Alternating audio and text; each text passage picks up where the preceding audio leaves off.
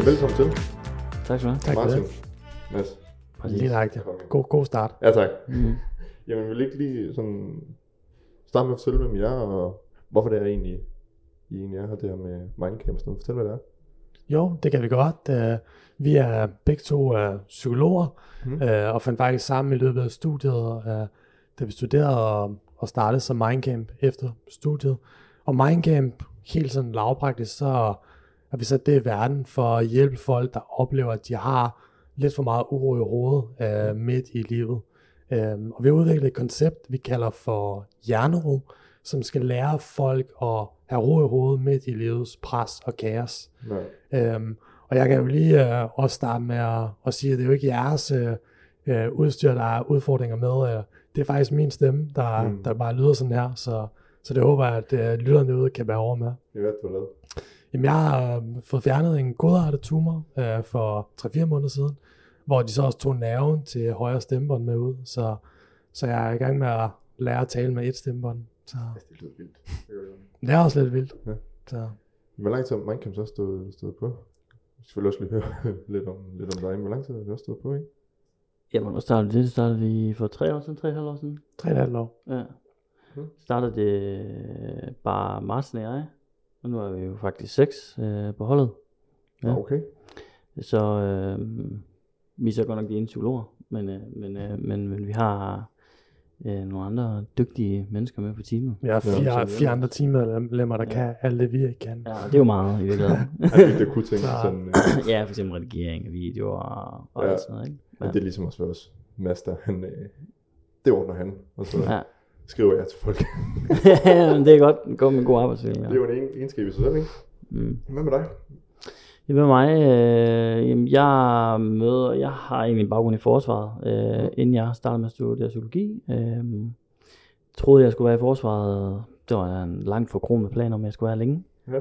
Øh, havde en udsendelse i min rygsæk også til Afghanistan tilbage i 2013. Mm. Og blev sådan lidt øh, inde i forsvaret introduceret for mentaltræning faktisk. Og synes, at det, det er super interessant, fordi jeg på det tidspunkt også, apropos ro i hovedet, nok ikke havde så meget ro i hovedet faktisk. Ja. Og gik og, og, og strugglede med, med sådan nogle spekulationer, om man nu var god nok og hurtig nok og dygtig nok på arbejdet. Og ville gerne gøre det godt, var jeg meget optaget af. Og, og selvom det er jo fint at have en indre kritiker, der, der pusher en lidt fremad, så kan det måske også tage lidt overhånd. Mm. Men, øh, men på det her mentaltræningsforløb, som vi var på, der, der fik jeg nogle redskaber til at minimere det lidt, og det startede sådan en interesse til at studere psykologi, og der mødte jeg så Martin. og så begyndte vi at skrive nogle projekter sammen og sådan. Så det tror jeg, min, min, min baggrund sådan kort sådan. Mm. Okay. Ja. Så du er krigsveteran? Det er jeg, ja. Ja. Nu har jeg undersøgt lidt. Du havde, det var klaret kraft. Ja, jeg fik, øh, fik konstateret en, en kræftsygdom tilbage i 2015, Okay. øh, hvor man fandt øh, en tumor, sådan er på, på højre side af, af halsen. Ja. Øhm, og dengang, der valgte man at lade den sidde, fordi den, er, den var godartet. Øhm, og finder så ud af, da man begynder at undersøge den, at det er sådan en genetisk betinget kræftsygdom. Så det betyder, at i forlængelse af mit nervesystem, der vokser der over tid i et langsomt tempo tumor. Ja. Så jeg har også et par stykker af maven, Okay. som også er godartet. Øhm, så man, jeg går egentlig til årskontroller for at tjekke dem. Øhm, og fordi den så er genetisk betinget, så finder man så også ud af, at halvdelen af min familie faktisk har det. Øhm, og det vidste man ikke på det tidspunkt, fordi normalt så kan man ikke se dem. De sidder inde i forskellige steder i kroppen, hvor man faktisk først ser det, når, når de er blevet alt, alt for store. Øhm, men fordi den så sidder på halsen, så buler den sådan lidt mærkeligt ud. Så i bestemte positioner, der kunne man så se den. Nå. Øhm, og det gjorde så, at man fandt den. Og så begyndte man så at tjekke hele familien, og fandt ud af, at stort set halvdelen havde. Vildt. Og nogle havde så genet, hvor at det var aktivt, hvor at der var tumor i kroppen, de skulle have fjernet, og nogle, de har bare genet, men det er ikke aktivt.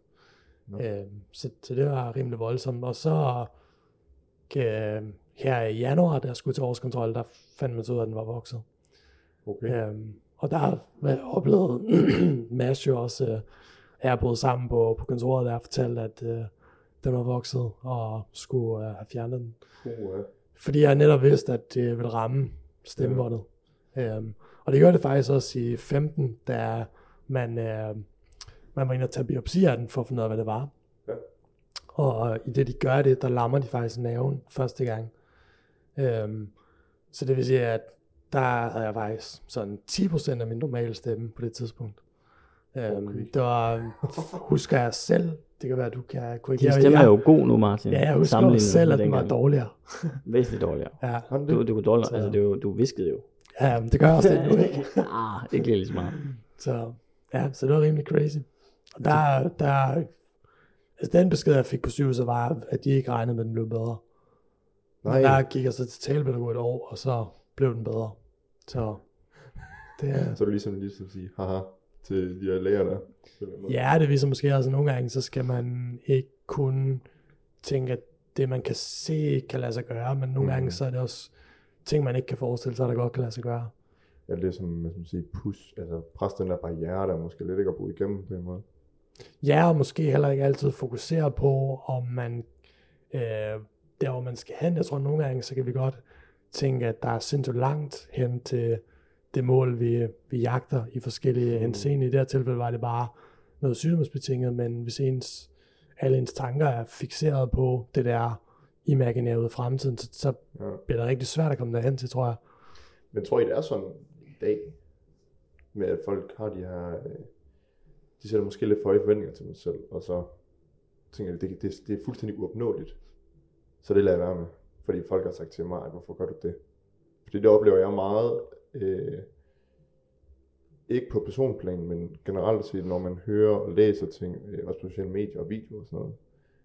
Folk, der enten nævner det, eller det bliver skrevet om, at de har fået at vide, de fik at vide, at de aldrig blev til noget, og så den der dag er de mm. i store skuespillere. Mm. Jeg tror ikke, det er sådan i dag. Altså, jeg tror, det kun bliver værre nærmest. Altså, jeg tror, det er sådan, jeg, jeg tror, det har været sådan længe. Mm. Øh, altså sådan, jeg det synes, det er en meget menneskelig ting, tror jeg. Det der med, at man har en masse høje forventninger. Jeg er egentlig fortaler for at have høje forventninger til både sig selv og, og egentlig også til en vis grad de mennesker, man arbejder sammen med. Der, hvor man skal passe på, som jeg ser det, det og det var jo det, jeg selv særligt kunne genkende, øh, særligt i min tid i forsvaret, det er, når de her forventninger, de bliver ude af proportioner store, eller at man bliver utålmodig for, at man ikke er der, hvor man gerne vil hen endnu, eller ikke er så god, som man gerne vil være, og man så begynder at dunke sig selv i hovedet om det, altså så det så kører, kører på repeat alle de her negative tanker. Ja. Nu for eksempel sagde Martin, vi har jo det her hjernero, og man tænker jo intuitivt, at det handler måske om at få ro i hovedet at all time, så det bare slukke derinde. Det ville også være fedt, og jeg tror, hvis jeg kunne give folk øh, det, så havde jeg nok været milliardær den dag i dag, men, øh, men det, det, det er altså ikke, og det, det kan vi heller ikke. Fordi hjernero, det handler ikke om at slukke for tankerne. Mm. Det handler om, at, hvordan man responderer på dem, altså hvordan man håndterer sine tanker. Så man kan for eksempel, vi arbejder med sådan et begreb, jo, øh, og det er et meget almindeligt begreb inden for, for vores felt, der hedder trigger-tanker i virkeligheden. Ja. Så en trigger-tanke, det er den tanke, der trigger en bekymringsspiral. Så lad os sige en bekymringsspiral, om jeg nu er god nok, om Ja. jeg nu er dygtig nok. Og de her trigger-tanker her, dem har vi alle sammen i mere eller mindre grad. Og det er fuldstændig normalt og fuldstændig ufarligt. Problemet er aldrig tankens indhold. Så en god metafor for det, det kunne være, at man kunne forestille sig et akvarie i virkeligheden. Mm. Så kan man forestille sig selv som en lille fisk, der svømmer rundt i det her akvarie, og så kan man forestille sig, at der bare bliver tyret ned med kroge med mading på. Lækker mading, som man er fristet af at tage. Og alle de her mading her, det symboliserer sig, eller de her fiskekroge symboliserer sig trigger-tanker. Så trigger-tankerne, dem, de vil bare være der. Vi kan ikke styre, hvor mange der er dem. Men det vi kan styre, det er, at vi bider på dem eller ej. Så for eksempel hvis en trigger-tanke eller en krog, det kunne være, jeg er så dårlig, jeg er ikke god nok. Så kan jeg vælge at bide på den, og så gruble videre over den. Og så er det jo så, den udvikler sig og vokser i ens hoved. Eller jeg kan vælge at bare lade den være, Mm. og svømme videre. Og så måske bide ind på, på en af de andre. Ikke? Det giver her god mening. Ja, fordi ellers så kan man hurtigt komme til sådan at tænke, om tankerne er problemet. Hvis bare jeg ikke havde de her tanker, så mit liv bedre. Men så begynder jeg at undertrykke tankerne, og det er Ja. lidt ligesom at forsøge at holde en badebold under vand i virkeligheden. Ja. Det er hårdt, og når man giver slip, så får man lige op i hovedet, ikke? Men dengang det hele blev for meget for dig, ikke? Hvor, hvad, hvad var det af? Var det også på grund af rene tanker? Eller var det fordi, I, I høj grad, ja. Altså dels så var det jo, det var jo pressemiljø. Altså nu arbejder vi jo både sådan internt, hvor vi siger, at der er ydre stress, Mm. og så er der indre stress. Ja.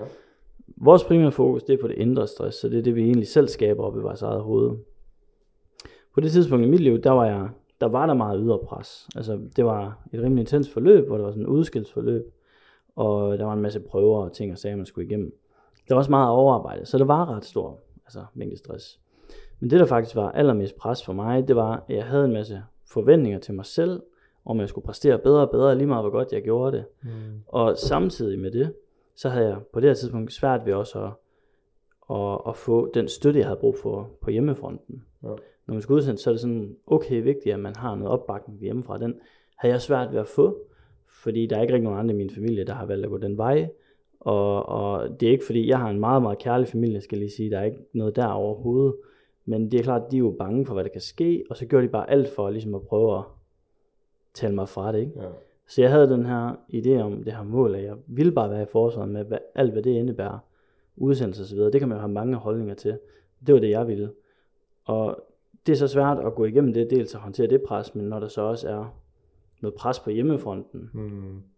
øhm, og det manifesterede sig så en masse tanker, bekymringer om, hvad de tænkte derhjemme, bekymringer om, jeg så var god nok. Og det, det bare resulterede i for mig, det var, at jeg, jeg, jeg fik det altså jævnt dårligt øh, over tid. Jeg kan huske, jeg havde sådan en nærmest en kronisk klump i halsen, der... Jeg plejer at sige, at det føles som en tennisbold, det ved du i hvert fald. det er lidt bedre med mig, hvordan det nok rent faktisk føles, men det var sådan, jeg havde det, og meget sådan fysiske stresssymptomer. Okay. Det var så på det her, jeg nævnte, jeg var på sådan et mentaltræningsforløb, man giver soldater for at forsøge at hjælpe med at håndtere stress. Mm. Og en af de ting, man arbejder med der, det er øverste til, det er faktisk primært det, man arbejder med. Det er, hvad vi tænker om det pres, vi bliver udsat for, og hvor meget vi tænker på det. Mm. Og det var lidt en hammerun for mig, fordi jeg lærte at give slip på de her, i hvert fald i de, de fleste tilfælde, mange af de her grublerier, jeg havde. Og der ændrede min verden sig altså ret radikalt. Jeg fik mere sådan energi og blev mere nærværende. Mit humør steg meget. Og så de her fysiske symptomer, de, for, de forsvandt faktisk. Så det var en game changer for mig, og, og, en, og sådan en eye-opener i forhold til, for eksempel når vi taler stress, så taler, handler det jo lynhurtigt om ydre faktorer. Mm. Ting, der kommer udefra og ind. Og det er jo vigtigt at arbejde med dem. Men nogle gange så undervurderer vi det, der foregår herinde. Altså vi har et ydre miljø, og vi har et indre miljø. Og det er altså vigtigt også at have et godt indre miljø, fordi vi vidderligt bor derinde. Ja, ja. Og, og, og når man har et dårligt indre miljø, i form af alle de her grublerier og bekymringer og selvdestruktive tanker, Mm. jamen, så får man det bare dårligt. Jeg tror ikke, at øh, det der indre miljø, du snakker om, det, kom, det kan blive påvirket, og bliver påvirket måske noget mere den dag i dag, end det gjorde for hver år siden, på grund af sociale medier. Det tror jeg i høj grad, du har ret i. Ja. Øhm, for eksempel som sammenligningskultur. Mm. Fordi skal man det? Tænker jeg. Øhm, Jeg har nogle altså, skarpe holdninger til sådan noget. ja, Den er sådan lidt... Altså om man skal sammenligne sig selv med... Ja, man sammenligner sig selv med andre, og det man ser på, på diverse sociale medier. Jeg tror faktisk, det kan være svært at lade være, selvom man måske har en intention om ikke at gøre det. Ja. Altså, fordi jeg tror, at øh, for eksempel så nogle gange, så har jeg nogen, jeg følger på Zoom i forhold til træningsinspiration. Okay. Og selvom jeg ikke forsøger at sammenligne mig, så får jeg alligevel på alle mulige mærkelige tidspunkter smidt i hovedet øh, lige en eller anden træningsvideo, hvor de ser mega hakket ud. Øhm, og det er jo nærmest uundgåeligt, at man ikke øh, lige får nogle tanker i forhold til en sammenligning der. Mm. Nærmest uanset hvor fit man selv er. Ja. Så jeg tror, det kan være rigtig svært, og jeg tror også, det er rigtig vigtigt, at man er opmærksom på, hvordan man Mm. selv bliver påvirket af de her sociale medier. Mm. og så bliver det hurtigt glansbillede. Det, Mm. det, det, Mm. det er den del, som jeg øh, synes er, er lidt græs. Fordi når hvis man tænker sammenligning i al almindelighed med andre mennesker, det synes jeg jo ikke, der er noget galt i. Vi er nødt til at sammenligne os med hinanden, også for at finde ud af, hvorfor nogle værdier skal jeg have, ud fra at forholde os til, hvad andre gør. Ja. Så på den måde er der noget fint i at sammenligne os med hinanden, men, men, men når, når vi sammenligner os med et, øh, et for eksempel sådan et, et, et glansbillede, som er, er måske langt fra, vi, øh, fra virkeligheden, Mm. eller som måske kun viser virkeligheden noget af tiden, så kan det jo igen skabe de her tanker, hvorfor er mit liv ikke sådan? Er jeg for dårlig? Mm. Er jeg for dum? Så er vi tilbage til de her trigger-tanker, ja. som så vi bliver bombarderet med måske, ikke? Det er jo også, jeg synes, det er sådan lidt skræmmende, og det, øh, han har nævnt det og snakket med mange om det, øh, at det her, man ser, det glansbillede der, det er jo typisk, i hvert fald hvad jeg har oplevet, mange unge personer, som lige har et kort øjeblik i deres liv, som de poster, Mm. og derved ser folk jo det, mm. Mm. og sådan, hvorfor har jeg ikke det? Mm. Hvad skal jeg gøre for at få det? Det kan jeg ikke få. Derved ryger man lidt ned, ikke? Pludselig vi laver alle sammen uh, sådan en uh, lidt forfejlet slutning, tror jeg, når vi ser mm. et enkeltstående billede eller story uh, af folks et eller andet glemt fra deres liv, at det er rigtig nemt at tænke, så er hele deres liv bare mega fedt. Og se, se de, nu har de en story, hvor de har venner over, de har sgu nok venner hele tiden, der bare mm. er sociale med dem. Det tror jeg rigtig mange laver. Det er noget, jeg selv kan genkende også, at, at der er et tidspunkt, hvor jeg laver den der, og lige må tage mig selv i, hey, deres verden er ikke, ikke det der glansbillede. Mm. Um, det er bare et moment, ikke? Ja. Også fordi alle har en dag, hvor de sidder derhjemme om aftenen og bare mm. laver noget. Og jeg tror også, at, at med at spole tilbage, som du sagde, i forhold til 40 år siden og så i dag, jeg tror, at en af de store forskelle er også, at, at dengang tror jeg også, at vi sammenligner os og jeg tror også, det er fint nok, som, som Mads siger, sådan, at det er sammenligning i forhold, fordi vi lærer os meget af det, i forhold til at spejle os i, hvor skal jeg selv være værdimæssigt. Men jeg tror, at når vi sammenligner os ud af den virkelige verden, mm. så øh, ser vi jo også de dårlige sider. Ja. Så ser vi lidt, vi ser ikke altid det hele menneske, mm. fordi når vi er på arbejde, så ser vi også en bestemt udgave. Men vi ser alligevel nogle flere nuancer, end hvis vi kun ser det der billede på SoMe. Det er jo det. en tanke, jeg lige har fået sådan lige nu, det er også, øh, det ved jeg ikke, om man kan spejle lige, men at hvis du, lad os sige, man følger en eller anden, øh, man har en, der er en sød pige, man lige har snakket lidt med, ser hende i sociale medier, det ser skide godt ud. Men så man lærer personen at kende, det er noget, jeg selv har taget i eget liv, jamen, personen har jo også dårlige dage, lige meget om det er en mm. kammerat eller en, man snakker med, fordi man bruger tid med dem, og jo mere tid man bruger, jo mindre perfekt er alt deres liv egentlig, fordi alle dage er jo ikke gode. Mm. Og det synes jeg egentlig, der er meget sådan lærerigt i, men også en, en, der kan også være noget frygt, når man så oplever de her, ikke negative, men lidt mere øh, realistiske sider en. Hvor man så også altså, tager hænderne op og siger, nu bakker jeg lidt ud, fordi vi er måske lige skræmmende nok, at du ikke er den person, der var der, og mm. igen, det er hvem det er jo. Jeg tror også, det er fordi, at øh, den er, i hvert fald i forhold til den her datingkultur med, mm. at vi får præsenteret for mig så vedkommende et lidt perfekt billede i en eller anden Tinder-app, hvor du kan swipe til den næste perfekte ja. øh, bud, der er derude. Og når så du netop møder nogen, hvor at lige snart du begynder at grave lidt dybere, så lærer du jo de der mm. andre sider at kende.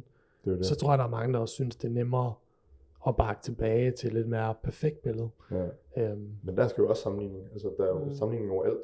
Mm. Det, og det bliver nok bare farligere og farligere på en eller anden måde, fordi den måde, som vi snakker om, med ude i den virkelige verden, der er det jo perfekt, fordi okay, han gør det her, det er egentlig ret fedt, det han gør her. Kan jeg bruge det til noget? Det synes jeg, det er ret cool. Men, men ja, det, det er skræmmende, synes jeg. Det, det er en skræmmende tid, men det er også det med podcasten, ikke? Det er mm. forberedt og åbne samtaler op for folk, som folk ikke gider snakke om normalt. Men jeg tror også, min holdning i forhold til sådan Zoom, sådan, det mm. er, at vi ikke nødvendigvis skal være sådan skram på en måde, hvor vi bare forsvinder væk fra Zoom. Nej. Jeg tror virkelig også, der er noget i at, at embrace, at det, det er også det, der er kommet for at blive. Ja. Og så prøve at finde en måde, hvordan vi, vi kan være i det på. Uh, mm. Dels det at være opmærksom på, uh, følger vi nogen, som måske gør noget negativt for os, uh, men også det her med bare måske også blive opmærksom på, at, at det er jo et glansbillede, man kigger ind i, ja. kan man sige. Jamen kan man bruge, kan man bruge sociale medier rigtigt og forkert så, hvis man kan sige det sådan? Det lærer man godt kan. Der er to forskellige sider, ikke? Jeg synes i hvert fald, der er nogle gode ting ved det. Øhm, jeg har jo gået med mange gange overvejelser simpelthen at slette, slette det. Altså flere gange. For, for sådan prøve, Ja, jeg også, men altså, det, det kan jeg ikke. Nej, jeg kan heller ikke. Det er, det er også sådan, det er... Jeg er afhængig på en måde, ikke? Ja, ja, ja jeg er dybt afhængig. men, øh, men, øh, men, men for eksempel synes jeg, der er nogle gode øh, ting i det, når jeg gerne vil arrangere en eller anden aften med nogle venner. Ja. Så går jeg og pynser lidt på at arrangere en pokeraften, for eksempel. Mm. Og, og der er det jo super convenient, at jeg så kan nemt gather de her mennesker i en eller anden øh, fællessamtale på Messenger for eksempel. Mm. Boom. Og så er vi ligesom øh, i gang der.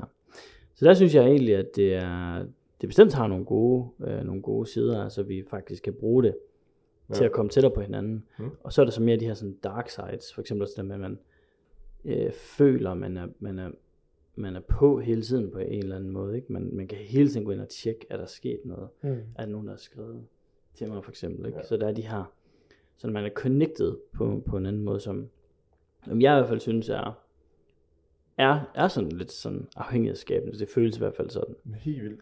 Øhm, og, og der vil jeg så også gerne slå slag for, at jeg synes også, at man skal også passe på med at putte al magten over til, til de sociale medier i forhold til at sige, vi kan gøre noget.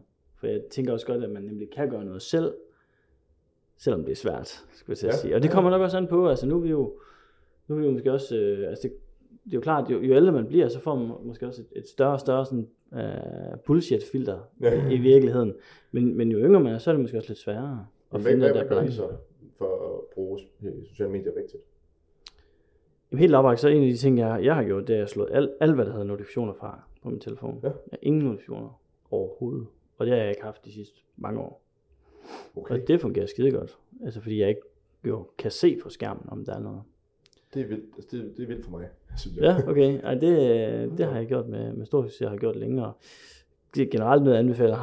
altså Ja, sådan, til, til folk. øh, Min, min, min kæreste gør det også. Min, jeg ved ikke, øh, gør du det? Jeg gør det i forhold til øh, nogle udvalgte apps, for eksempel i forhold til Instagram og sådan Ja. noget. Øhm, og så øh, en ting, jeg gør i forhold til for eksempel Instagram, det er at sætte øh, en timer på. Nej. Så helt lavbajs kører jeg 20 minutter dagligt, og så slår den op og Ja, siger, nu, nu er tiden gået. Okay. Og det er fordi, jeg bare egentlig følte, at jeg kunne lande i det der uendelighedsloop, Hmm. øh, hvor man bare bliver ved med at finde den næste lidt ligegyldige video. Ja. Øh, Lille fix. Ja, Okay. og det er jo egentlig meget tidsfordriv. Ja. Øhm, og jeg synes egentlig, jeg har oplevet det der med, at alle små naturlige pauser i dagligdagen, de forsvandt. Fordi man lige tog telefonen frem, og så sad man lige og så et eller andet, og man kunne ikke huske alligevel fem minutter senere, hvad man har set, fordi det var lidt ligegyldigt. Mm. Og så en anden ting, jeg har gjort, det er, at jeg aktivt ikke har opsøgt andre øh, af de her somi medier end sådan Instagram. Så jeg har Mm. ikke, jeg har ikke gået ind i at have Snapchat eller have, have hvad hedder det, TikTok. Øhm. Mm. Og det er fordi, jeg tænker, så er der endnu et medie, hvor jeg skal, jeg skal, jeg, ja, og hvor jeg i virkeligheden skal kigge på, hvad er det for nogle vaner, jeg gerne vil have omkring det. Hmm. Øhm, fordi det, det føler jeg lidt, det kræver, Ja. at man kigger på sin egen adfærd i forhold til de her apps. Ja, og det, det er lidt sjovt, fordi den måde, I, I vælger sådan lidt at, at, at sige, jeg sorterer med Mm. sociale medier på at bruge det på Mm. den rigtige måde. I høj grad. Jamen, det, det, er en, det er så fjern en måde for mig at gøre det på. Nu er jeg 24, stadig ung, vil jeg mene. Øhm, Ja, jeg bare vent dog. Jamen, det, det siger jeg stadig til mig selv. Jeg føler godt nok, det er skrækkeligt. Nå.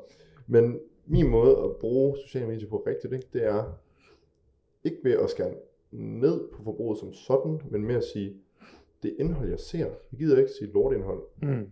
Så når det kommer, så går jeg væk fra det, fordi der er jo nok en algoritme, som regner ud på, hvor meget man bruger og sådan noget. Mm. Så jeg ser ikke alt det der, de der glansbilleder, og folk, der lever et virkelig godt liv og sådan noget på billedet. Jeg ser motiverende ting, og ting, jeg kan bruge til noget, om det er træning, om det er for eksempel også med podcast, det er Mhm. nye måder, man kan gøre det på, alt muligt. Det synes jeg, det er en, det er en god måde at bruge det på. Mm. Så er næste skridt jo det, det I gør med at skære ned på tiden, så man rent faktisk også lige lever et normalt liv, ud over det sociale. Mm. Men, øh, men ja, det, det, det fungerer. Ja, Jeg det kan også- du godt genkende også, det der. Ja, ikke? Altså, det synes jeg nu også er en positiv ting. Altså, jeg har også nogle, jeg følger, som Mm. inspirerer mig øh, fra tid til anden der. Ja. For eksempel på Instagram. Som Jeg også tror, jeg tror en, altså, det, det er en det samme, jeg også gør. Jeg tror faktisk, man også egentlig det der med måske at spørge sig selv, hvad, hvad får jeg af følelser af at, Mm. at følge den her kanal specifikt. Og der er jo nogle kanaler, hvor man bare kan, kan få det dårligt i kroppen, fordi man måske netop føler sig bagefter, eller det giver en masse tanker om, jeg burde også Ja. gøre dit og dat. Øh, hvorimod man netop kan få det omvendte, som du siger med, at de her podcaster, hvor du bliver inspireret, og der er noget motivation og sådan noget, Mm. at det er jo noget helt andet, hvor du netop får designet din, din verden på Instagram på en måde, hvor du får noget positivt ud af det, Mm. frem for bare at hoppe helt væk fra det. Ja, fordi jeg tror, der er mange unge, også, altså, og i min omgangskreds, de har brug for, brug for, de har vendt sig til at få det der fix med, nu skal vi ind og kigge på Instagram og TikTok. Og så tænker jeg, det tænker jeg så nogle år efter noget tid, det, jeg tror det er et halvt år siden jeg ændrede det. Og sådan, altså, kan man ikke få det fix, uden at du skal få det dårligt med dig selv bagefter? Så det Mm. meget, jeg sætter det meget sådan skarpt op og sagde, måske Ja. lidt overdrevet, ikke? Men jeg tænkte, det, det, det, det, det kan ikke passe jo. Og så, så tænkte jeg, nu prøver vi at gøre alt muligt.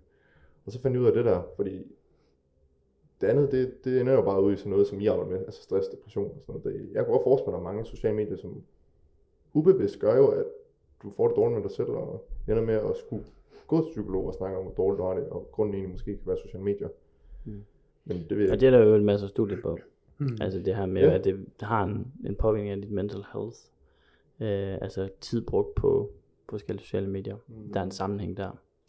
Om sammenhængen så kommer af det egentlige medie, eller den kommer af for eksempel, hvad vi tænker om de ting, vi ser. Det jo så tage en debat om, ikke? Men der er en klar årsag sammenhæng mellem tid brugt på det, og hvordan du har det mentalt. Men så er det også skræmmende, at der ikke bliver gjort mere ved det på en måde, synes jeg. Men det er også, det er også svært at sige, hvad man så skal gøre ved det efterfølgende. Det er det jo klart. Nu er der så faktisk lige kommet et borgerforslag, Er det det? omkring det der, som Imran Rashid har været med til at stå i spidsen for. Nå. Af læge, kunne jeg også sagtens, øh, jeg tror han vil være en af de, øh, de klogeste hoveder, jeg i hvert fald sådan lige øh, kan komme på i forhold til at snakke om, om skærmbrug og digital adfærd. Han har skrevet et par bøger om det også. Nå, Øhm, og han har jo så stået spidsen for det her borgerforslag, som bliver taget meget seriøst i forhold til at lave altså egentlig regulering. Jeg har ikke fulgt det fuldstændig tæt, men egentlig regulering af for eksempel sociale medier er på grund af, at det tyder på, at det påvirker folks mentale helbred negativt. okay, det er vildt nok. Ja, Det så det kan jo godt være, Så der har du gjort noget, Ja, kan man sige. Nå, Ja. men, men, men jeg synes også stadig, der er, der er et medansvar altså hos os i forhold til, hvordan vi så bruger det, man kunne kalde det en digital dannelse. Ja. i forhold til at minimere det. Øhm, også, også bare den der time on på en skærm. Altså for mig, det handler ikke bare om nødvendigvis sociale medier. Det handler også om, har du tid til, jeg synes, den mest undervurderede aktivitet, mennesker kan lave, det er at sætte sig ned og lave lige nøjagtigt ingenting. Ja. Og der er mange gode grunde til, hvorfor det giver god mening. Dels er der også masser af undersøgelser, der peger på, at det at, at fordybe sig i ting er godt for vores mentale helbred, altså Ja. i hobbyer, eller bare sidde og dagdrømme for eksempel. Øh, Det tyder også på, at det her område, øh, netværk, default mode netværk, hedder det i, i, i hjernen, som er, som er associeret med sådan noget dagdrømmeri og for eksempel kreativitet, bliver mere aktivt, når vi netop ikke sidder og koncentrerer os om et eller andet, som vi jo mere eller mindre også gør, når vi sidder ikke og, Ja. og scroller eller ser noget. Så, så for mig det handler det også om at, om at måske finde tid til at begrænse skærmkiggeri. Ja. Øhm, jeg begyndte også at eksperimentere med at tage sted uden min telefon. Nu er jeg godt nok med i dag, så jeg kunne ikke engang sige det her. det er men, ja, men, men jeg har faktisk begyndt at eksperimentere med det her med at tage afsted, øh, hvis jeg skal hen til nogle venner, Ja. Uden en telefon, simpelthen. Og det var overraskende grænseoverskridende i starten, synes jeg, øh, fordi at man jo har den der sådan craving. Ja. Men, men det, det, det har gjort for mig, og det nu taler jeg bare udelukkende, hvad det har gjort for mig, jeg refererer ikke til sådan undersøgelser ned ad Mm. dur, bare mig, hvad, jeg, hvad det jeg har fået af det. Og det er simpelthen en, et højere nærvær, når jeg er der. Ja. For jeg ikke føler, at den ligger i min lomme på en eller anden måde. Mm. Jeg har også begyndt at simpelthen sætte, lægge den fysisk, min kæreste og jeg, vi har fået sådan en krukke, som vi, øh, men det, altså jeg er også lidt Det lyder som en stor ting, det her. Ja, ja, ja, ja, men altså jeg, jeg synes det er vigtigt at, at prøve at minimere den der time on. Ja. Øh, igen, det er bare min, for, for mit, i mit eget liv. Mm. Men vi har fået sådan en lille krukke, hvor man kan sætte, lægge telefonerne i, simpelthen, ude, Okay. ude i, i, i vores øh, entré. Og den skal, jeg har fundet, den skal helt fucking ud i entréen, fordi hvis bare jeg er i køkkenet, så kigger jeg på den. altså når jeg, når jeg lige skal ud og hente et eller andet. øhm, det siger jo lidt om også, sådan, hvad digtet jeg egentlig er. Men, men, men, men i hvert fald, så, så synes jeg bare, at, at det giver et andet nærvær. Ja. For eksempel, nu ser vi film, og så ser vi film. Mm. Ja, fordi Og jeg ikke- sidder og bruger mobilen, når Ja, det gør du jo. Ja. ja. Det er jo for dumt. Ja. Ja, præcis. Øhm, eller sådan, jeg tager bare tit telefonen og kigger på den for no apparent reason. Ja. Der er ingen årsag til det. Altså, det er bare ren Du og så bare lige- ned igen. ja, du skal det- bare lige se sådan. Det er jo det der fix, der man gerne vil have. ja, ja. Ja. Jeg er meget overbevist om, at man har vendt sig til at få et fix lige hurtigt, hvad end det er. Mm. Selv hvis man sidder og ser en film, jeg gør det også selv. Mm. Jeg sidder og tænker, hvad er det, jeg laver? ja. Ja. En lille dopamin-rush, Ja. ja. man, Ja. man, man, man får. Jeg skal have Mm. fat i en kruk. Det er i hvert fald noget, der for det meste fungerer for mig. Ja. Men det du virkelig siger, Mads, det er vel også bare, at du som en starter prøver at definere nogle områder i dit liv, hvor du gerne vil sige, her vil jeg gerne prøve at være nærværende. Ja. Som en start, ikke? Mm. Altså, det, det tænker jeg også skal være et, et lille skridt, man, man selv kan prøve at finde nogle områder, hvor man kan sige, i stedet for måske at tænke, at det skal være en halv dag, eller hvor meget det er, men bare tænke i at gøre det, når man sidder og snakker med sine venner. Mm. at være til stede, i stedet for at være på, på telefonen. Det gjorde jeg, det gjorde jeg meget. Øh, det gør jeg meget. Men startede på det med at sige, når jeg er sammen med mine kammerater, mm. så prøv lige at lade være med telefonen frem. For det, mm. det gør vi. Det er forstyrrende også. Ja, Man føler ikke, at dem, man sidder og snakker med, de lytter til en. Mm. Så hvis de snakker til mig, og jeg tager frem, så føler de heller ikke, at jeg lytter til dem. Nej, lige Det er da præcis. mega irriterende, og det er forstyrrende, og man, jeg synes heller ikke helt, man, bliver, altså, man sætter så meget pris på det, man sidder i, når man konstant sidder og siger, at jeg skal lige svare den her person, som egentlig ikke er her. Mm. Det er jo for dumt. Altså, det kan du Mm. svare bagefter. Det er jo Ja. ikke, fordi det forsvinder. Men det, du Men det sjove er, at det føles virkelig vigtigt, man får virkelig sådan en intens følelse i kroppen. Ja. Det kan jeg i hvert fald få, Det når, når den der besked, den tigger ind, og man, det brænder i kroppen, for Ja, ja, bare man, man virkelig har lyst til, jeg skal svare den. Ja, Det er livsvigtigt at svare nu. ja, og det er, bare, det er sikkert bare, øh, jeg er hjemme. Okay. Ja, ja. Det, det, det er jo dumt. Mm, Men det, ja, den, den har jeg eksperimenteret meget med, med at prøve at lade være med at tage den op. Øh. mm, Og jeg kan også godt mærke, altså selv i dag, nu har jeg gjort det også i et år eller sådan noget, cirka. Selv i dag, så er der også nogle gange sådan ah, nu skal jeg lige lade være. Jeg kan hånden op i stedet for, for jeg så ender med, at så lige pludselig sidder jeg med den, ubevidst. Det, det er jo for dumt, altså det, Mm. men det tror jeg, der er mange, altså, der kan lære også i sig selv. Det tror jeg også, noget, noget vi, vi sådan taler sådan, sådan internt i Minecraft, det er også det her med forskellen på at leve et tankestyret liv og et værdistyret liv. Ja. Fordi rigtig ofte så vores beslutninger, vores adfærd kan blive styret af for eksempel af de her triggertanker, eller impulser, eller følelser. Man kan også kalde det et følelsesstyret liv. Mm. Så for eksempel hvis man nu, og det modsatte, det er jo sådan et værdistyret liv. Mm. Så hvis vi tager det i kontekst til telefonen, lad os sige, at man har en værdi om, jeg vil være nærværende og ikke tage min telefon frem, når jeg er i samtaler. Lad os bare sige, at det er en værdi, man har, ikke? Hvis jeg så får en impuls, en tanke om, åh, oh, jeg skal lige tjekke min telefon, tager den frem, så lever jeg jo et tankestyret liv, i stedet for op til min værdi, som var at være nærværende eller være. Ja. Og det er jo ikke kun i, selvfølgelig telefonregi, det er jo alle mulige øh, steder. Nu, nu, nu er du jo en, en, en veltrænet ung mand, kan jeg se, og jeg går også selv en del op i, i, uh, i at træne, og noget, at de fleste, der gør det, ved jo godt, at uh, når man sætter sig ned i sofaen efter en lang dag, og tænker, nu skal jeg ned i hjemme, Mm. så rigtig ikke lyst. Og man får en masse tanker, der, man får en masse tanker, der siger, ej, jeg skal ikke, ej, jeg overgår ikke, og Mm. kan vi ikke bare gøre det for mandag, eller en gang næste år. Ja. Ikke også? Og så har man der et valg. Skal jeg lytte til mine tanker, og så droppe fitness for eksempel? Mm.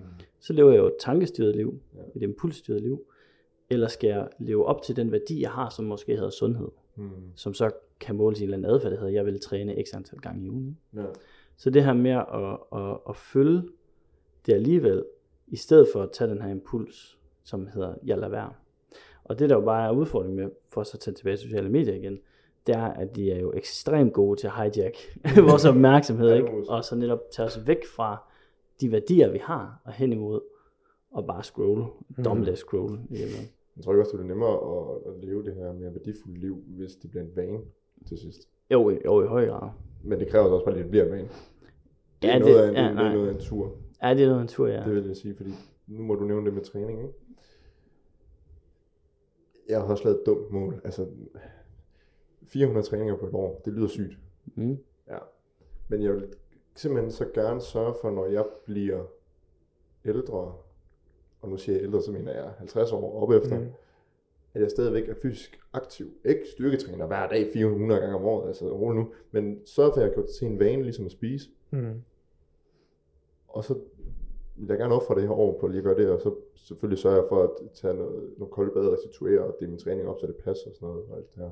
Men, men ligesom putte noget ind nu, så det bliver en vane for mig til, at jeg fortsætter med at gøre det de næste 30 år, 50, øh, 40 år. Mm.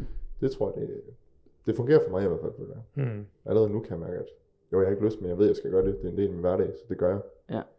Det, øh, Det er jo et udtryk for at leve til op efter den værdi, du har. præcis. på trods af, at du måske har nogle følelser på kort sigt, der siger, jeg vil ikke, Ja, eller jeg gider ikke. for de er der. De er der jo, og, og, og udfordringen er jo så, at vi, vi mennesker gør jo meget for at fjerne ubehag, Mm. når man tænker over det. Ikke? Så vi siger nej tak til træning. Mm. Kort vej, der får jeg en great success, fordi den træls følelse forsvinder, og i Mm. stedet for får jeg lov at se Netflix, for eksempel. Ja. Men på lang sigt, der er konsekvensen så, at jeg ikke I hvert fald hvis jeg gør det hver dag, Mm. hvis jeg, om man misser en enkelt træning, det er jo nok ikke Det er der, der, der, er den knækker, vel? Ja, Men, men, men hvis man så bliver ved med at gøre det, og ved med at gøre det, og ved med at gøre det, så lever man jo netop ikke op til Mm. sine værdier, jamen, så følger man i stedet sine følelser og sine tanker. Og tanker er jo bare fuldstændig random aktivitet i øvrigt, der Ja. bliver produceret mellem et estimat, tror jeg, ligger på 50 og 70.000 tanker i døgnet, inklusive når vi sover. okay. Og alle de her tanker, de er både gode og negative og neutrale. Men fælles for dem alle sammen er, at vi kan ikke styre dem, de er ufarlige, og de er uden for vores kontrol Ja. i virkeligheden. Så derfor er der en grund til at lytte til dem alle sammen. Mm. Nej, det, det var ret god, det synes jeg.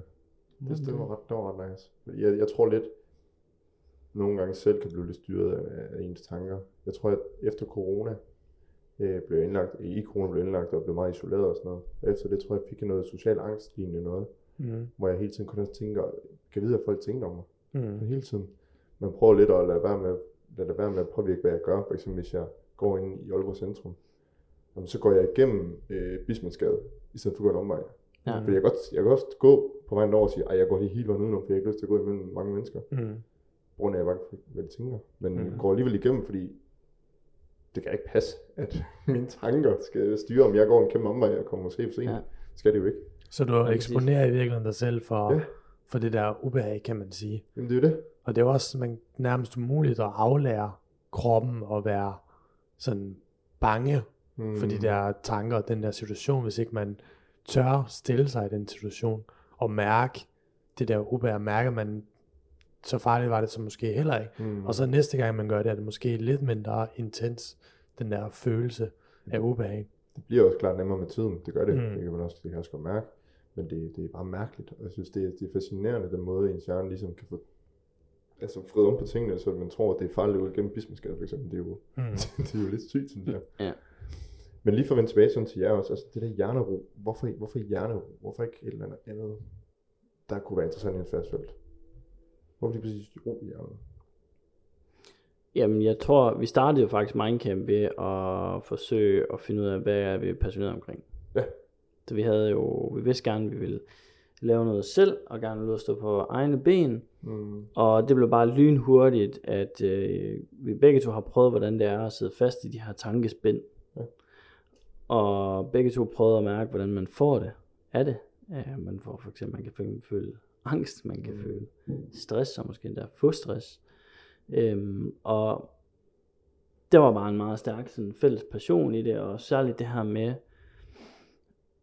og jeg, vi synes, at der er rigtig mange, um, sådan, hvor det lynhurtigt kan handle om at forsøge at undgå ting, og forsøge at pakke dig ind, så du netop kan have ro i hovedet. Ja. Problemet med det er bare, at så risikerer man også at leve et ikke meningsfuldt liv. Isolerer man sig ikke meget så også på en måde? Jo, så kommer man jo netop til at isole- isolere sig mere og mere og mere, ikke? Ja. fordi man, man, man, man egentlig bliver mere og mere sårbar. Mm. Mm. Og man netop, for eksempel, en, en, hvis man gerne vil forværre angst, så skal man lytte til angsten og gøre det, den siger. Så du Mm. skal for eksempel gå udenom skade, ikke? Ja, Og så næste gang, så skal du ikke bare gå udenom det, så skal du gå endnu længere ud om det. Ja. Og næste gang, så skal du engang ud af døren. Du skal bare blive hjemme. Mm. Ja. Og så bliver det, ens comfort zone bare mindre og mindre og mindre, ikke? Når man netop lytter til de her tanker her. Og alt det her, det har, det har vi bare mærket meget på, på egen krop, så dels så, så ved vi noget om det kvæg vores uddannelse, men dels så har vi også bare erfaring med det selv. mm. Og vi havde jo selv en, en fordel, da vi blev ramt af det, det var, at vi fik noget viden. Du fik det fra det her mentaltræningsforløb, og jeg var i gang med psykologiuddannelsen, så vi kunne ligesom tage de her redskaber ned af hylden. Mm. Men noget af det, som, som jeg synes, man, man oplever med psykologi, det er, at det bliver meget kæmpet væk, de her redskaber. Det kræver rigtig meget at få adgang til dem. Man for eksempel skal til et eller andet psykologforløb og snakke om alt muligt, der egentlig ikke har med de her tanker at gøre, men alt muligt andet, før man kan komme frem til at få nogle lavpraktiske redskaber. Ja. Og det, der også er en del af ambitionen med jernro, det er at være med til at få de her helt lavpraktiske redskaber ud over rampen og få dem gjort anvendelige for almindelige mennesker. Ja. Så det ikke bare er, er fantastisk viden, der er gemt inde bag psykologiens mure. Øhm, så det har også været en stor motivationsfaktor øh, at få det ud at leve, de her redskaber. Ja. Hvad, hvad er målet så med, med, med Mindcamp? Jeg tænker, man har altid sådan et mål, man gerne vil opnå, ikke? Jeg ved faktisk ikke, om, vi har sådan et, et, et klokkeklart... Øh, For eksempel, for eksempel også, det er at inspirere og motivere flest mulige mennesker, og gøre den størst mulige forskel for flest mulige mennesker.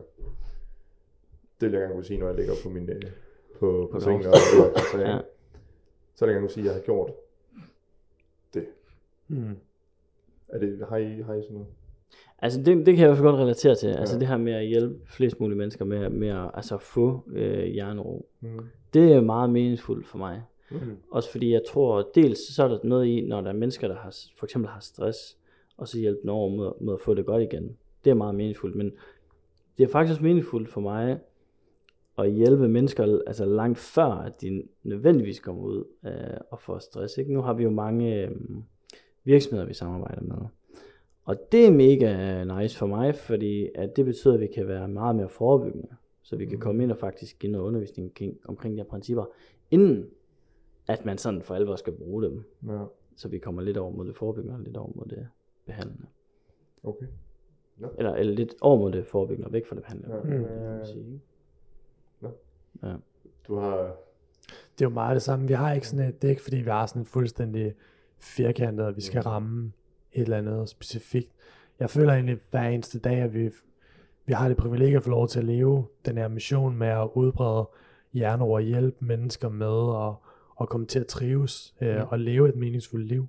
Så for mig lever jeg ikke så meget i en mission fremadrettet, men egentlig mere i at nyde alle dem, alle dem vi hjælper i dag, og, og kan se, at vi, vi kommer til at hjælpe flere og flere og flere. Og det, den aller, allerbedste følelse, det ved jeg ikke med dig, Mads, men for mig er den allerbedste følelse, det er at, at få en i røret, som har været igennem vores forløb, og, og som man kan mærke har fået et helt andet liv, og fået et helt andet mod på også at leve Mm. livet. Det, det er det, jeg synes, der er det fedeste også med, med den måde, vi går til det på, at vi gerne vil have, at folk skal gå væk fra det her med at pakke sig ind i vat.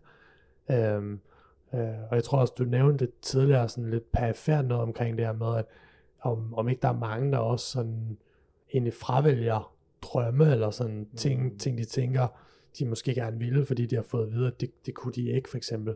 Og, og det, det synes jeg også er fedt at kunne, kunne hjælpe folk som dem med, at, at måske give dem øh, sådan lysten til at forfølge deres drømme, i stedet for netop at, at lade sig være styret af tanker om, hvad andre må tænke om, at de, de forsøger at prøve at lykkes med noget, der er svært. Mm. Vi har jo selv uh, prøvet det, da jeg kan huske, da vi skulle starte Mindcamp, der var med med mange, der, der syntes, det var, var en mærkelig idé, og at, Ja. øh, at vi måske bare skulle tage os et job i stedet for, og at det nok ikke ville lykkes. Øhm, men det er ikke altid, man skal lytte på, på de her tanker og lade sig begrænse af det. Fordi uanset om det lykkes eller ej, så tror jeg, at, at vi har levet disse par år mere meningsfuldt, fordi vi har forfulgt den drøm, vi havde Ja. om at skabe det her. Hvis så at det var mislykkes, jamen, så har vi stadig levet efter vores, vores værdier, og det vi synes, der er meningsfuldt. Mm. Øhm, og det, det tror jeg bare er, er, giver meget mere mening. Men Absolut. tror I, vi har før haft sådan en snak med nogle iværksættere også omkring det der, øh, og, og de siger også, at øh, de har en tanke om, at samfundet, det her velfærdssamfund, vi lever i, det, det her måske har en, øh, en lille øh, finger i- med spillet, hvis man kan sige det, at vi, vi bliver tilbudt at bare følge en vej, som hedder, at du skal i folkeskole, gymnasie eller erhvervsuddannelse, og så, og så øh, en universel ud, øh, hvad hedder sådan noget, Aalborg Universitet uddannelse. Ja, Ja, en bachelor øh, kandidat, og så skal du arbejde på 8 til 4, ikke? Og det bliver, det bliver fremhævet så meget, synes jeg, i forhold til alt det her med, at du kan kunne gå din egen vej, hvad end det er. Men den, den, den, den vej, den bliver ikke vist for folk. Og det gør jo bare også lidt, at den forsvinder lidt, og hvis der er en, der så går ud af den, så alle, der står og følger den normale vej, de tænker vel, hvad laver ham der? Hvorfor Mm. går han ikke samme vej som alle os andre, vi gør? Ja. Men det er jo også, det synes jeg også, det er sådan lidt skræmmende. For i USA, det er vel noget helt andet, øh, af hvad jeg kunne forstå på det hele. Der, der tager de jo chancer, de skal, de, de blod, sved og tårer for at kunne opnå deres drøm og sådan noget. Det synes jeg, det er inspirerende. På en helt anden måde. Men jeg, jeg tror også, der faktisk er forskel på, øh, hvordan vi går til den der del. Fordi mm. jeg oplever også nogen, som øh, går en anden vej i livet, men fordi at deres, med deres tanker, de bare ikke fokuserer på, hvad det er andre, de tænker om, at de går en anden vej, mm. og kan vide, om jeg mislykkes herover og skulle jeg have valgt noget andet, Mm. at, at så fylder det ikke lige så meget. Ja. Så jeg tror også, at en, en stor del af det er også, hvor meget vi ender med at dyrke de her forskellige tanker om, at, at vi er anderledes Ja. og går en anden vej. Og så selvfølgelig, så kan der godt være noget om, hvordan samfundet er med til at, at påvirke. Øh, nu kan man sige, du har lige været i New York, Mads, så jeg kan huske, noget du, du talte meget om, da du kom hjem, det var det her med, at hvor forskellige folk er. Mm. Og det gør der unægteligt et eller andet ved en, at alle omkring sig er, er fuldstændig forskellige stilarter og måder at være på. Så tror jeg også, man løsner mere op selv. For jeg tror, at vi alle sammen har jo det her med, at vi gerne vil sådan fedt ind i en gruppe, og ligesom være en del af et eller andet community eller noget socialt. Og det er jo blandt andet det, at man vælger den, den lige vej og tager de her faste uddannelser og det faste job. Mm. Og det kræver det noget at træde ud og gøre noget andet. Ja. Men jeg tror også meget, at det er også de tanker, vi har om det, de fortællinger, vi har omkring øh, det her. Jeg kan i hvert fald mærke fra mig selv, at da vi startede Mindcamp, der fokuserede jeg ekstremt meget på, på alle de her, der sagde, at det ikke ville lykkes. Mm. Øhm, og det gav mig en masse tvivl om, om vi gjorde det rigtige. Ja. Øhm, men jeg kunne selv mærke, at i takt med, at jeg reducerede fokus på de her tanker, Mm. så oplevede jeg også, at det her ubehag i at gå en anden vej, at meget af det også forsvandt faktisk. Det forsvinder ikke fuldstændig, men meget af det mærkede jeg egentlig også forsvandt af det. Ja. Det er jo også en start, kan man sige. Mm-hmm. Men det kommer også meget tvivl på sig selv, tror jeg. Det, det kunne vi mærke i hvert fald, dengang vi startede Mm. podcasten, at jamen, vi er jo egentlig bare to gutter, vi ved jo ikke noget, vi er jo ikke eksperter mm. for noget som helst. Vi har bare en livserfaring, vi kan dele ud af, Mhm. og så kan vi snakke med nogle mennesker. Ja. Og folk var sådan, der var nogen, de sagde, hvorfor, hvorfor gør I det? Og så mm. siger jeg, det, det har vi lyst til. Mm. Og jeg vil rigtig gerne det her, jeg kan være foredragsholder en dag for unge mennesker.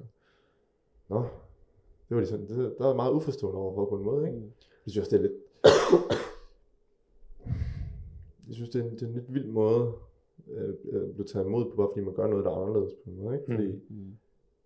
jeg støtter øh, konstant altid folk, der står mig nært, fordi de skal gøre, hvad de vil, så længe de har en plan for det. Sådan har jeg det. Man forventer også at få det tilbage, men folk ubevidst tænker måske bare ikke over det, øh, fordi at de, de måske bare kører lidt den her normale linje. Øh, og igen, det er jo ikke fordi, de gør noget ondt mod nogen generelt set, men jeg tror bare, der er mange, der er udsat for det. Og så bliver de i tvivl om det er godt nok, og så bakker de ud efter et par uger, fordi de godt kan mærke, at folk er sådan lidt, Mm. hvad er det ham, der han laver? Eller så begynder man selv at tænke, at de tænker, hvad laver ham der? Men jeg tror faktisk nogle gange, når, når man går en anden vej, så tror jeg faktisk også nogle gange, at, at man lidt øh, kan ende med at sætte et spejl op for, for dem i en- ens omgangskreds. Fordi jeg tror, at, Mm. mm. at det giver nogle tanker hos dem, der måske har valgt det, det mere klassiske spor i livet, øh, 8-4, intet under om det. Men jeg tror, at det giver nogen nogle tanker om de drømme, de ikke selv har jagtet. Og det, Ja. det tror jeg faktisk også så kan, kan, der kan være lidt en negativ kultur om, at man, man så måske prøver at give udtryk over for dem, der valgte den anden vej, at, mm. at det sådan giver dem en usikkerhed om, om det er det rigtige sådan. Og måske i virkeligheden så er det bare et udtryk for, at man selv har en usikkerhed om, om man egentlig lever et meningsfuldt liv, og lever efter de drømme og de værdier, man egentlig har. Ja, men man skal heller ikke, altså, den har jeg også tænkt mig over, jeg føler også bare, at man ikke skal stresse sådan over det, Mm. fordi så tror jeg først, det går galt. Jeg stressede meget førhen, ikke? Sådan med, efter jeg var færdig igen, jeg er 24, jeg har ikke, jeg har ikke så meget erfaring, men da efter jeg startede, eller var færdig på gymnasiet, var jeg sådan, okay, nu skal jeg bare, nu skal jeg være verdensmand, jeg skal jo nå det hele inden for et år. Men jeg også bare med at gå ned med stress, fordi det bliver for meget. Mm. Øh, og det er så fundet ud af efterfølgende, efter jeg er gået til psykolog, og de ikke har nogle redskaber. Bare meget mere sådan, ja, livet er langt. Slap nu af. Mm. Fod på bremsen lidt, ikke? Mm. Og så lige være til stede i, i momentet, og det var så der det hele startede med, så skal jeg også lige fjerne sociale medier lidt. Mm. Men det, hvad hedder sådan noget, at være selvreflekterende, det er jo en, en, nøgle til mange ting, synes jeg. Mm. høj grad. Fuldstændig. Men jeg har egentlig ikke så meget med at bare høre egentlig, øh, om jeg har sådan et, et råd, overordnet råd, som jeg måske bruger til unge mennesker, eller mennesker generelt, til når det hele bliver lidt for meget. Vi slutter altid med af, men folk har mulighed for at sige lidt, lidt råd og så videre. Så har I et eller andet, der Et helt konkret råd, som, øh, som jeg er rigtig glad for at bruge meget selv, og som jeg også anbefaler som generelt, det er noget, vi kalder for tænketid. Ja. Så det første tidspunkt om dagen, man giver sig selv lov til at bekymre sig, gruble og spekulere om alt imellem himmel og jord. Så det er, men maks 30 minutter. Lad os sige et eksempel, at du har din tænketid hver aften fra kl. 19 til 19.30. Så kan du se det her område som din, din bekymringskvote. Mm. Hvis vi taler om så meget af det, der jo stresser os, det er jo alt det, der også foregår herinde. Så der vil vi gerne forsøge at begrænse den samlede tid, vi bruger på at spekulere. Mm. Og det er så det, vi bruger tænketiden til. Så et eksempel på, hvordan man bruger det, det er, forestil sig klokken er 10 om formiddagen, ergo er det ikke tid til min tænketid, men så bliver jeg fanget i nogle bekymringstanker. Så er det der, jeg lige kigger på klokken og siger, åh, oh, det tager jeg lige klokken 19 Ja. til 19.30. Det smarte er så, at øh, når klokken bliver 19, så er bekymringerne 9 ud af 10 af dem forsvundet, mm. og man har slet ikke behov for at sætte sig ned og bruge sin tænketid. Så det er faktisk en udskydelsesteknik. Ja. Fordi det, der sker, når man får en bekymring, eller, eller et eller andet i, ja, lad os bare tage en bekymring, så vil den skabe en midlertidig angstfølelse i kroppen. Den vil føles vigtig, ligesom at telefonen, den føles vigtig, så snart den, den vibrerer, selvom ikke nødvendigvis er det. Så man får en bekymringstanke, den føles vigtig. Det er den her følelse, der får os til at gruble videre med den, tage fat i den, tage fat i fiskekronen for at vende tilbage til det, ikke? og så spekulere over den. Men når vi så træner vores evne til at udskyde bekymringen, så giver vi hjernen tid til at selvregulere. Den har sådan, simpelthen, den går op og, hvad skal man sige, den søger hele tiden sin ligevægt. Så for eksempel, hvis jeg får en følelse af angst, så er det bare et spørgsmål om tid, før den angstfølelse er væk igen. Ligesom hvis du får en, føle, en positiv følelse, så er det også bare et spørgsmål om tid, inden du går tilbage til neutral igen. Så hvis jeg får den her tanke kl. 10 om formiddagen, skaber en midlertidig følelse af angst for eksempel, så udskyder den til kl. 19, og så vil følelsen og tanken højst synligt være væk. Og så kan jeg så sidde og nyde det. Og så skal jeg selvfølgelig ikke tvinge mig selv til at prøve at grave i mine bekymringer igen. Så skal jeg bare sige, jeg har ikke brug for min tænketid, så går jeg videre. Ja.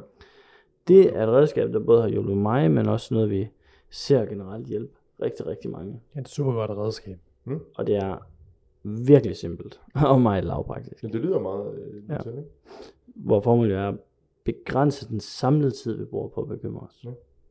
Ja, okay. Har du... Øh... Jeg vil faktisk sige det samme, fordi jeg synes, det er, det er super godt. Jeg, Mm. jeg tænker, at der er ikke nogen grund til at overvælde med flere redskaber, fordi hvis, hvis man gør det her, så kommer man til at opleve en stor effekt. Den eneste ting, jeg faktisk vil sige, det er, nu snakker du også i forhold til, til træning og med vaner, det kan være svært at komme ind i, og nogen synes, det er super svært at skulle starte med at sidde klokken 8 om morgenen og skulle udskyde deres øh, bekymring til om eftermiddagen. Så hvis man sidder og synes, det er super, super svært, mm. så prøv bare at tænke i at gøre det i en time eller 20 minutter først. Og det er egentlig det samme med, med telefonen, når vi sidder med vores venner. Det kan være svært, fordi vi har den in- intense følelse. Men prøv bare at skrue det ned til at sige, kan jeg lige udskyde det 5 minutter? Ja. Fordi så er man i gang med at træne den her vane om at udskyde sine bekymringer. Og så kan man stille og roligt udvide og sige, det til sidst er om, om eftermiddagen. Så det er sådan, tage det i små bidagtigt, ikke? Mm. Lige nok. Ja, det, er det, ja, jo, det giver ret god mening. Så hvis man vil bruge sin tænketid, jeg vil ikke anbefale, at man prøver at grave i det der med at finde bekymringer, det skal man ikke gøre, men man kan jo Mhm. netop bruge den til refleksionstid. Ja. Sige, er jeg der, hvor jeg gerne vil være i mit liv, for eksempel, ikke? eller bruger jeg tiden på det, der er vigtigt for mig? Ja, for jeg synes, at ref- altså, at være meget selvreflekterende, det, det har hjulpet mig sygt meget. Altså, mm. Samtlige ting, jeg har mm. oplevet, det der med at sige, okay, hvor står jeg nu? Hvad, hvad har jeg brug for, og hvad har jeg ikke brug for? Og så sige, Mhm. er der noget, jeg gør forkert, noget, jeg burde gøre anderledes? Og så har jeg gjort meget i at det ned. Mm. Jeg skriver tingene ned, sætter det i kolonner, Ja. og sige, det her det er godt for mig lige nu, det her det er ikke så godt for mig. Det her er jeg i tvivl om, så det skal jeg finde ud af. Mm. Og så derefter. Og man kan jo strukturere det på, på sindssygt mange måder. Der er Ja. nogen, de gør jo bare det, at de sidder bare og tænker uden noget, og nogen de sidder og skriver, det tror jeg, vi begge to vi gør. Mm. Noget, som jeg også øh, anbefaler, hvis man bliver ved med at have en eller anden problematik i ens tilværelse, som bliver ved med at give en bekymring. Det kan fx være, hvis man sidder med, med et eller andet uddannelsesvalg, og man skal skifte spor for eksempel, eller man skal vælge noget, øh, den ene uddannelse eller den anden uddannelse, mm. så er et helt konkret ting, man kan, man kan øh, redskab, man kan bruge den her tænketid, det er at starte med at definere, hvad er det udfordringen er, og så derefter list alle de mulige øh, handlemuligheder, man har. Mm. Det kan være alle mulige ting, man kan gøre for at imødekomme den her udfordring. Og så det tredje step, som faktisk er det vigtigste, det er, at man vælger en af de her handlemuligheder og tager action på det og gør noget. Så prøver man at gøre noget, så vil man få noget feedback på det, man gør. Situationen vil være anderledes, og så kan man næste gang, man har sin tænketid, sætte sig ned og reflektere igen. Fordi noget af det, vi oplever, det er, at folk de bliver ved med at køre i ring omkring nogle af de her udfordringer, de her, de her beslutninger, de skal tage. og at de har en masse tanker om det, som i virkeligheden bare slider dem ned og suger al deres energi. Så den her konkrete måde at bruge tænketid hjælper egentlig med at komme frem til en løsning. Det, det kan noget. Og måske også det her med at finde faktisk. Jamen, du mig Nå, okay. Jeg er bare så fascineret. Jeg synes, Ja. det er så fascinerende sted. Jeg, Jamen. fordi jeg flyber mig så meget. Jeg sidder sådan selv og tænker, jamen, kan jeg bruge det nogle steder? jamen, det er godt. Øhm, jamen, det var bare i for- forlængelse det, du sagde med refleksion, er jeg også selv fortæller for, men for at quote øh, god gamle Kirkegaard, så havde han jo et begreb, der hed refleksionssyge, som var, at man simpelthen reflekterede eller tænkede så meget, at man, man, man fik det dårligt. Ikke?